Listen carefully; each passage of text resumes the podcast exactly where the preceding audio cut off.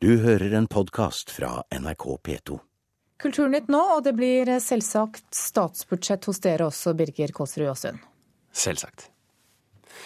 Hvis ikke 40 millioner kroner legges på bordet i dagens statsbudsjett, frykter direktøren ved Kulturhistorisk museum at Norges nasjonalskatter står i fare for å bli ødelagt for alltid. Hvis vi ikke får pengene, er det, oppstår det en gigantisk krise. Det sier Rane Wilderslev. Som direktør for Kulturhistorisk museum er han ansvarlig for samlingen av vikingskipene og tilhørende gjenstander på Vikingskiphuset på Bygdøy i Oslo. Det jeg forventer, det er at vi får pengene til selve redningsprosjektet, altså Saving Oseberg. Ja. Tidligere i år ble det kjent at nasjonalskattene er i mye dårligere forfatning enn antatt. Enkelte gjenstander er så skrøpelige at man frykter de kan kollapse når som helst. Og Der har vi jo bedt om 40 millioner over en årrække. Som skal gå til redningsprosjektet Saving Oseberg. De kan kollapse når som helst. Altså, de kan smuldre bort. fordi det der skjer, det er jo at treet simpelthen øh, oppløses, smuldrer bort. Og det der nå holder gjenstandene sammen, er i og for seg kun den lakk øh, slederne og vognene og de andre gjenstandene er malet med. Det er Universitetet i Oslo som eier Vikingsamlingen, og da de søkte om en hastebevilgning hos Kunnskapsdepartementet for et halvt år siden, var svaret nei. Du har vel ikke fått en ørliten eh, tekstmelding eller et annet lite hint fra kunnskapsminister Kristin Halvorsen? Nei, jeg har ikke fått, altså, Det er jo stort hemmelighetskrammeri omkring sånn et statsbudsjett. Men i et intervju med NRK tidligere i år sa Kristin Halvorsen følgende. Nei, jeg tror faktisk ingen vil ønske å skrive seg inn i historien som den som var ansvarlig for at man pulveriserte eh, vikingskipene og en helt spesiell eh, kunstskatt som vi har ansvaret for å ta vare på for ettertiden. Halvorsen vil ikke kommentere denne saken før statsbudsjettet kommer klokken ti i dag. Men NRK erfarer at Vikingsamlingen blir omtalt i budsjettet. Vikingskipene på Bygdøy er jo helt unike, ikke bare i norsk sammenheng, men også i europeisk sammenheng. Det sier riksantikvar Jørn Holme, som også er bekymret over vikingsamlingens tilstand. Ja, Det er jo en veldig prekær situasjon. Disse gjenstandene, spesielt vognene og, og, og sledene, må tas vare på på en helt annen måte. Og hvis pengene ikke kommer og man ikke får startet Saving Oseberg, ja, da ser det mørkt ut for Vikingsamlingen, sier Rane Wilderslev. At vi så ikke lenger kan garantere at, at de her allomkonserverte gjenstandene, som er så viktige for Norge, at de ikke bryter sammen. Reporter her, det var Eivind Våge. Agnes Moxnes, kulturkommentator her i NRK. Pressekonferansen til Kulturdepartementet skal være på Folkemuseet i dag. Hva legger du i det? Det, det legger jeg at det er Anniken Huitfeldt eh, som Det er hennes kulturbudsjett, dette her. Det er hun som har bestemt hvor denne pressekonferansen skal være. Hun har vært levende opptatt av grunnlovsjubileet som skal være neste år, altså i 2014. Sånn at den pressekonferansen i dag den kommer til å bli holdt i den første stortingssalen vi hadde etter 1814 på Folkemuseet. Og av de mindre lekkasjer så kan vi vel da fortelle at eh, etter all eh, sannsynlighet så kommer kulturministeren til å ha med seg 6 millioner kroner til Folkemuseet for at de kan lage en vandreutstilling om den europeiske bakgrunnen for 1814. Hva, altså nå har det jo blitt en del lekkasjer eh, som vanlig, får man si, fra Kulturdepartementet. Hva er du mest spent på når statsbudsjettet legges frem i dag klokken ti? Ja, egentlig ganske lite, for som du sier, det har vært Eh, ikke bare en usedvanlig kraftig ryktespredning, men en veldig aktiv faktaspredning eh, om, eller fra Kulturdepartementet om dette budsjettet. Eh, Aftenposten hadde jo regnet ut at det er Kulturdepartementet som lekker mest av alle departementer. Sånn at de tallene som man opererer med i dag, da, før budsjettet legges frem, det er at det nye kulturbudsjettet det øker med bortimot 900 millioner kroner og at eh, statsbudsjettet nå kommer til å Og at det nye da, kulturbudsjettet kommer til å utgjøre ca. 0, eller kanskje ganske eksakt 0,96% av statsbudsjettet. Så de holder eh, farta mot 1 av statsbudsjettet? Ja, de holder farta. Det var jo det de gikk til valg på, de rød-grønne, i 2005. Og nå nærmer de seg denne 1 i det såkalte Kulturløftet. Og det er jo en, en seier i og for seg, i og med at det ser ut til at det er et ganske moderat statsbudsjett vi går i møte. Men vet vi noe mer konkret om hva som kommer?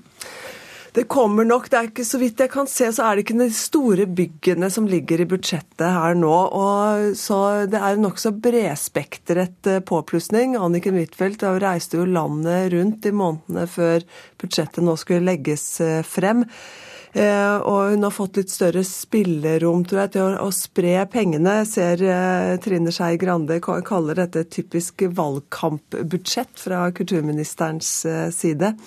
Men det har vært, altså i løpet av det året som har gått, så kom det en veldig ambisiøs stortingsmelding om visuell kunst fra Anniken Huitfeldt. Og der kommer det til å komme penger, så får vi se hvor mye og på hvilken måte. Må regne med at det kommer noe avklaring på pressestøtten. Festivalstøtten er med jevne mellomrom oppe til debatt. Det blir interessant å se hvor den ligger. Og så skal man vel fortsette, fortsette evalueringen av de såkalte knutepunktinstitusjonene i forlengelsen av det.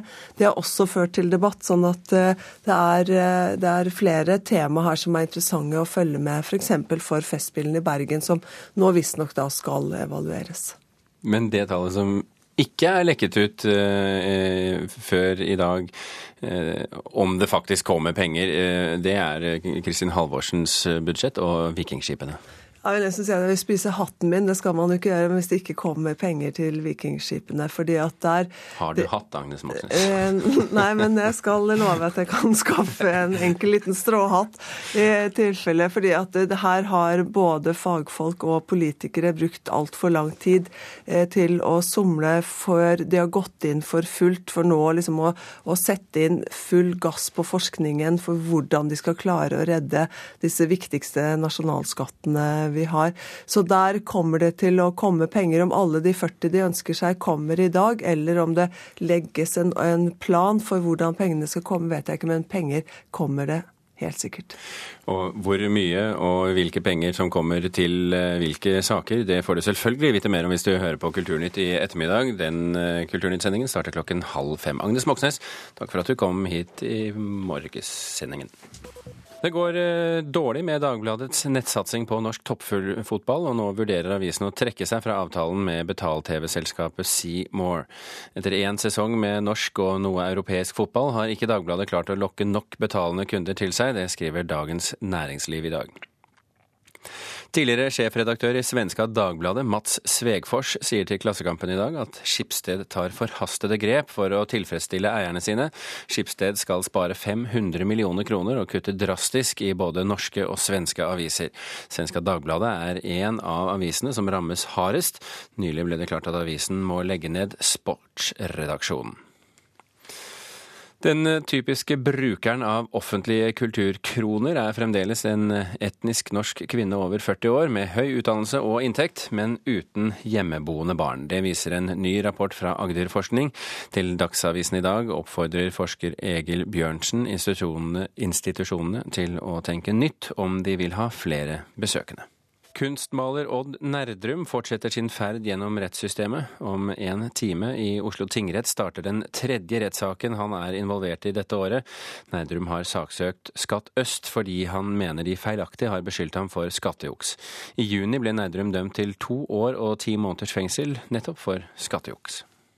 Vi mener at eh, etterligningsvedtaket er galt. Vi mener at eh, han har krav på å få tilbakebetalt eh, for mye betalt skatt. Det sier Pål Berg, Odd Nerdrums advokat. Nerdrum krever nå et millionbeløp tilbake fra skatteetaten. Jeg kan ikke si direkte beløp, det avhenger av eh, om eh, inntekter skulle vært beskattet på Island eller Norge. Men det er betydelig beløp. Skatt betalt på Island og penger i bankbokser. Uklarhetene er mange knyttet til Nerdrums økonomi. Nerdrum er også involvert i en straffesak. I juni ble han dømt til to år og ti måneders fengsel i Borgarting lagmannsrett for nettopp skattesvik. Straffesaken og skattesaken er to forskjellige saker, men uenigheten dreier seg om det samme, om Nerdrum har betalt sin skatt eller ikke. Denne gang vil Berg legge fram nye bevis i saken. Det bare underbygger den forklaring eh, Nerdrum har gitt tidligere. Advokat Frode Elgesem i advokatfirmaet Thommessen har vurdert de nye bevisene, og mener de kan få stor betydning. Det er nye bevis som viser uh, uh, hvorledes pengene som uh, har vært i denne bankboksen, eh, har blitt betalt eh, eh, tilbake til hans galleri i New York. Og, det gjør det sannsynlig at disse pengene har blitt betalt tilbake, og, øker også sannsynligheten for at de til slutt blir tatt til, beskatning henholdsvis på, Island og i Norge. Um, og Det er en versjon som, kan, som, som endrer bildet en del i forhold til skattemyndighetene har lagt til grunn. Bevisene han sikter til er dokumenter som ble lagt fram i Dagbladet i forrige uke, og som forsvareren ikke kjente til før straffesaken. Vi mente at vi hadde nok bevis i lagmannsretten. Det det er stått på, er at lagmannsretten ikke har hatt eh, tillit til Nerdrum overhodet. Nerdrum har anket fengselsdommen til Høyesterett. Forsvarer Berg tror skattesaken kan få betydning for straffesaken. Ja, hvis vi vinner frem i skattesaken, så vil jo det måtte medføre en eller annen form for opphevelse av eh, lagmannsrettssaken. Men saken som starter i dag har ikke noen formell sammenheng med straffesaken. De nye bevisene kan likevel få betydning for anken. Høyesterett kan be lagmannsretten om å behandle saken på ny. Avviser Høyesterett anken, kan Nerdrum likevel be om gjenopptakelse med nye bevis. Da vil jo en avgjørelse i denne skattesaken kunne være betydning, særlig hvis Nerdrum vinner fram i større eller mindre grad. Det sa advokat Frode Elgesem. Og I løpet av oktober avgjør Høyesteretts ankeutvalg om straffesaken skal få ny behandling. Reporter her, det var Ida Kvittingen. Men først til kunsten rundt omkring i landet. Fordi ingen her i landet har oversikt over hvor mye kunst som finnes rundt omkring i norske kommuner. Ei heller i staten er oversikten påfallende. Noen sentral oversikt finnes heller ikke, og hvor mye den enkelte kommune satser på kunst, varierer mye. Det er noen store kuler som henger ned fra taket. Og så har de på en måte en slags figurer, eller en figur inni seg. Sjuendeklassingene Mari Horpestad og Karen Sofie Ersdal Olsen viser fram kunsten på skolen sin. Da nye Rosseland skole på Bryne ble bygget for et par år siden, hadde Time kommune nettopp vedtatt regler om at en viss del av byggesummen skulle settes av til kunst. Det er lærer Synnøve Hatle glad for. for. Jeg ser jo ofte at ungene sitter og lurer litt, og så kan vi jo bruke det i undervisninga. Det er viktig hva vi tenker og syns. Og det er viktig at noen kan lage ting. Vi har eh, åpna flere nye fine bygg. Og i forbindelse med byggeprosjekt så kom vi til at vi trengte noen mer formaliserte retningslinjer for hvordan disse offentlige byggene skulle utsmykkes. Sier rådmann Britt Edland i Time. Norske kommuner eier svært mye kunst. Men hvor mye samla sett er uvisst. Det er det ingen som har oversikt over, tror jeg. Sier Gro Kraft. Hun er direktør i statlige Koro, som hvert år deler ut opptil 60 millioner kroner i tilskudd til kunst i offentlige rom. Heller ikke på sentralt hold er alt i orden. Da Koro skulle rydde opp etter terrorangrepet i regjeringskvartalet 22.07 i fjor, fant de langt mer enn de ca. 70 verkene de sjøl hadde ansvar for. Men det vi også oppdaget, det var jo at det var veldig mye annen kunst der, som da tilhørte departementene. Og for dem fantes det ingen register, så vi gikk fra rom til rom i alle de ødelagte byggene og hentet ut kunsten som fantes der.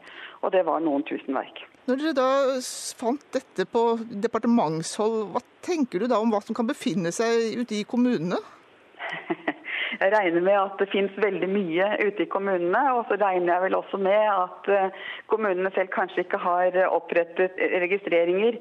Og at det nok er en stor mangel som finnes der ute. Og det har hun i alle fall delvis rett i. Vi har nok ikke helt oversikt, men vi er i full gang med å kartlegge kunsten i kommunen. For det er veldig viktig at vi får den oversikten. Det er store verdier for kommunen. Sier rådmann Britt Edland i Time mens kultursjef Erland Brein i Sandnes sier det slik. Vi har kartotek over, over gammel kunst, og vi har selvfølgelig oversikt over det vi anskaffer nå. Eh, men jeg tror det er riktig å si at eh, den er ikke all verden, og spesielt det eldste har vi nok liten oversikt over. Sandnes anskaffer kunst for i underkant av 1 million kroner i året. Retningslinjene for hvordan det skal foregå er 20 år gamle. De blir nå revidert, og da skal også oversikten bli bedre. Ja, både for den interne oversikten selvfølgelig, men en, enda viktigere som et grunnlag for formidling av kunsten. For jobben er jo bare halvveis gjort ved anskaffelsen. Den bør jo også være synliggjort og, og tilgjengelig for folk. Vi får mye inspirasjon fra denne skolen, så det er lett å lage ting. Sier 7.-klassing Mari Horpestad ved Rosseland skole.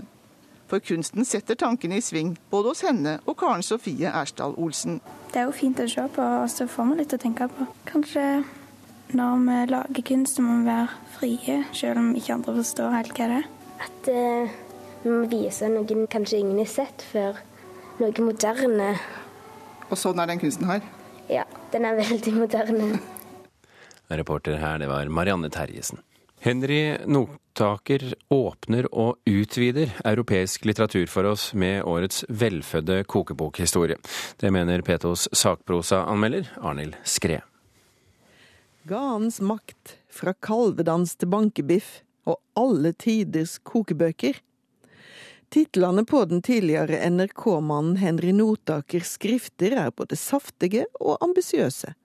Så skriver han det også fra et høyt nivå, etter 25 år som formidler og utforsker av kulturhistorie. Årets bok, den ellevte mathistoria fra Notakes hand, signaliserer enda større ambisjoner enn de tidligere. Kokken og skriveren lover ikke mindre enn den gastronomiske litteraturens historie, ifølge undertittelen. Nå strammer forordet inn til å gjelde den europeiske, men den viser seg å være mer enn omfattende nok. Notaket velger å åpne med den første trykte kokeboka som kom på 1400-tallet, og han dreg linene fram til vår tid, sjøl om det siste halve hundreåret får relativt og kanskje litt overraskende lite merksomt.